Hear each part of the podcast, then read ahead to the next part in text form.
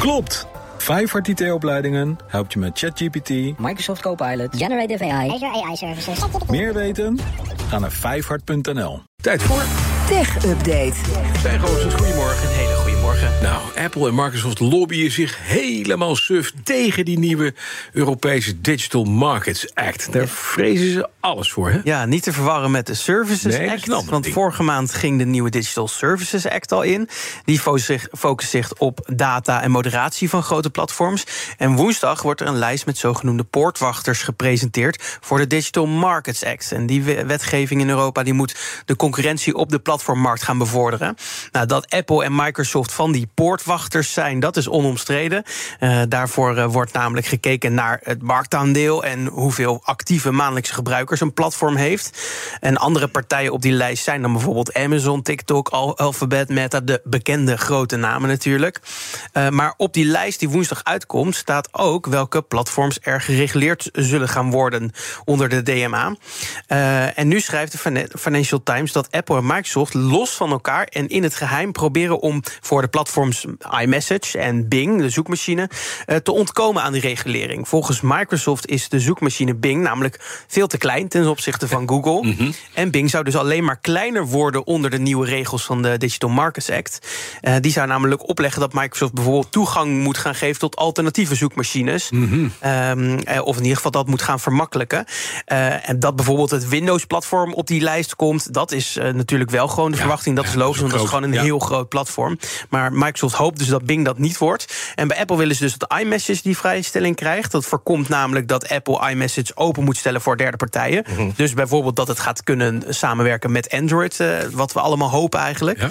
En Apple En zal hoe dan- gaan, ze, hoe gaan ze dat dan doen? Losknippen of zo? Of? nou, ze, ze, ze beweren eigenlijk dat iMessage als los platform gewoon te klein is. Ja. Ehm, dus het is niet bekend hoeveel gebruikers er in Europa precies zijn. Eh, in, in heel de wereld zijn het er meer dan een miljard.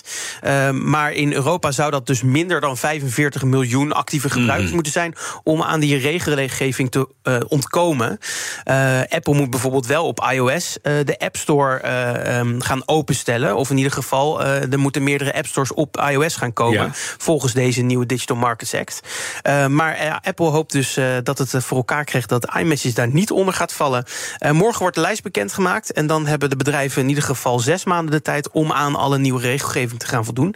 Dus we gaan het merken of de lobbying eh, gelukt is. Oké, en dan gaan de prijzen van mobiele telefonieabonnementen omhoog per 1 oktober aanstaande. Ja, KPN en Vodafone die hebben gisteren allebei de prijsverhoging eh, bekendgemaakt van bestaande abonnementen.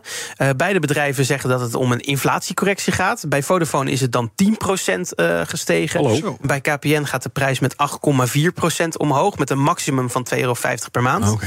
Vodafone die wijst onder andere naar de gemiddelde inflatiecijfers, waar we het gisterochtend natuurlijk over hadden van CBS, ehm, om die 10% te beargumenteren.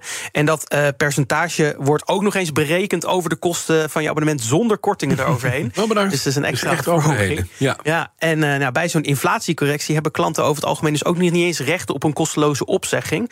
Ehm, en voor nieuwe klanten geldt deze verhoging niet. Tenminste, als je na 1 juli een abonnement hebt afgesloten, dan hou je gewoon de prijs die je hebt. Het wordt in ieder geval even slikken volgende maand als je je factuur krijgt.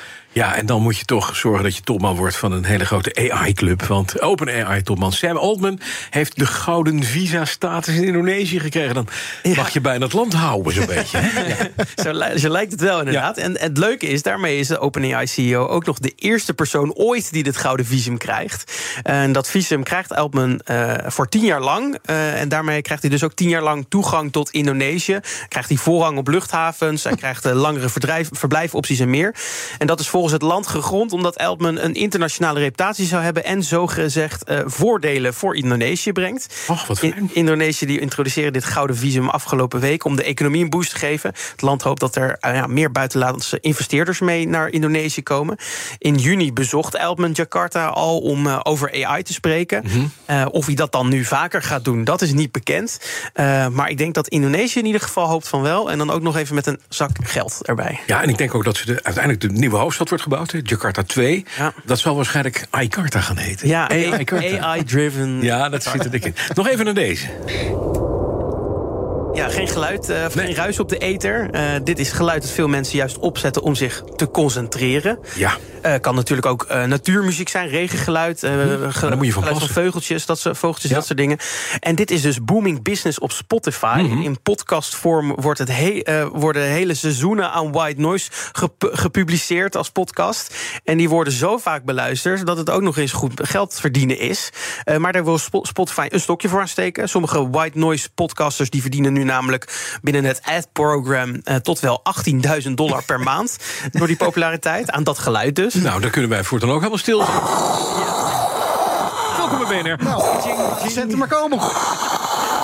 Ja, en nou blijkt dat eh, Spotify per ongeluk White Mhm. Noise pas- podcasters zoveel ja, een extra boost gegeven heeft. Terwijl ze dat juist Ja. voor gesprekken, ja, podcastgesprekken wilden, voor ons eigenlijk Mhm. wilden doen. Eh, en eh, dat komt omdat er vooral gekeken wordt naar het aantal luisterminuten. Of keer toch een ruppetje deze dus. dingen staan Ja, gewoon jammer. constant op de achtergrond Ja, aan. ja, ja.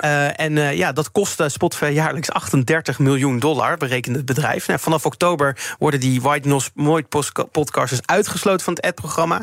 En de bar om mee te doen wordt eh, wat hoger gelegd. Vanaf duizend unieke luisteraars per 60 dagen. Vind ik nog niet, nog niet eens zo heel veel. Eh, ja, als White Noise podcaster wordt het dus even inknippen. Maar eh, ja, je kan wel geld blijven verdienen met betaalde abonnees en met donaties, zeggen ze. Dat is mooi. We hebben het mooiste white noise. Het witter dan wit. Ik vind jouw stem ook wel een beetje een White Noise. Oh, dankjewel, Stijn Roosens.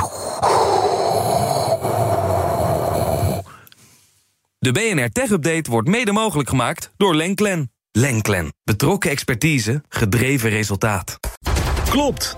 Vijfhart IT-opleidingen helpt je met ChatGPT. Microsoft Copilot. Generative AI. Azure AI Services.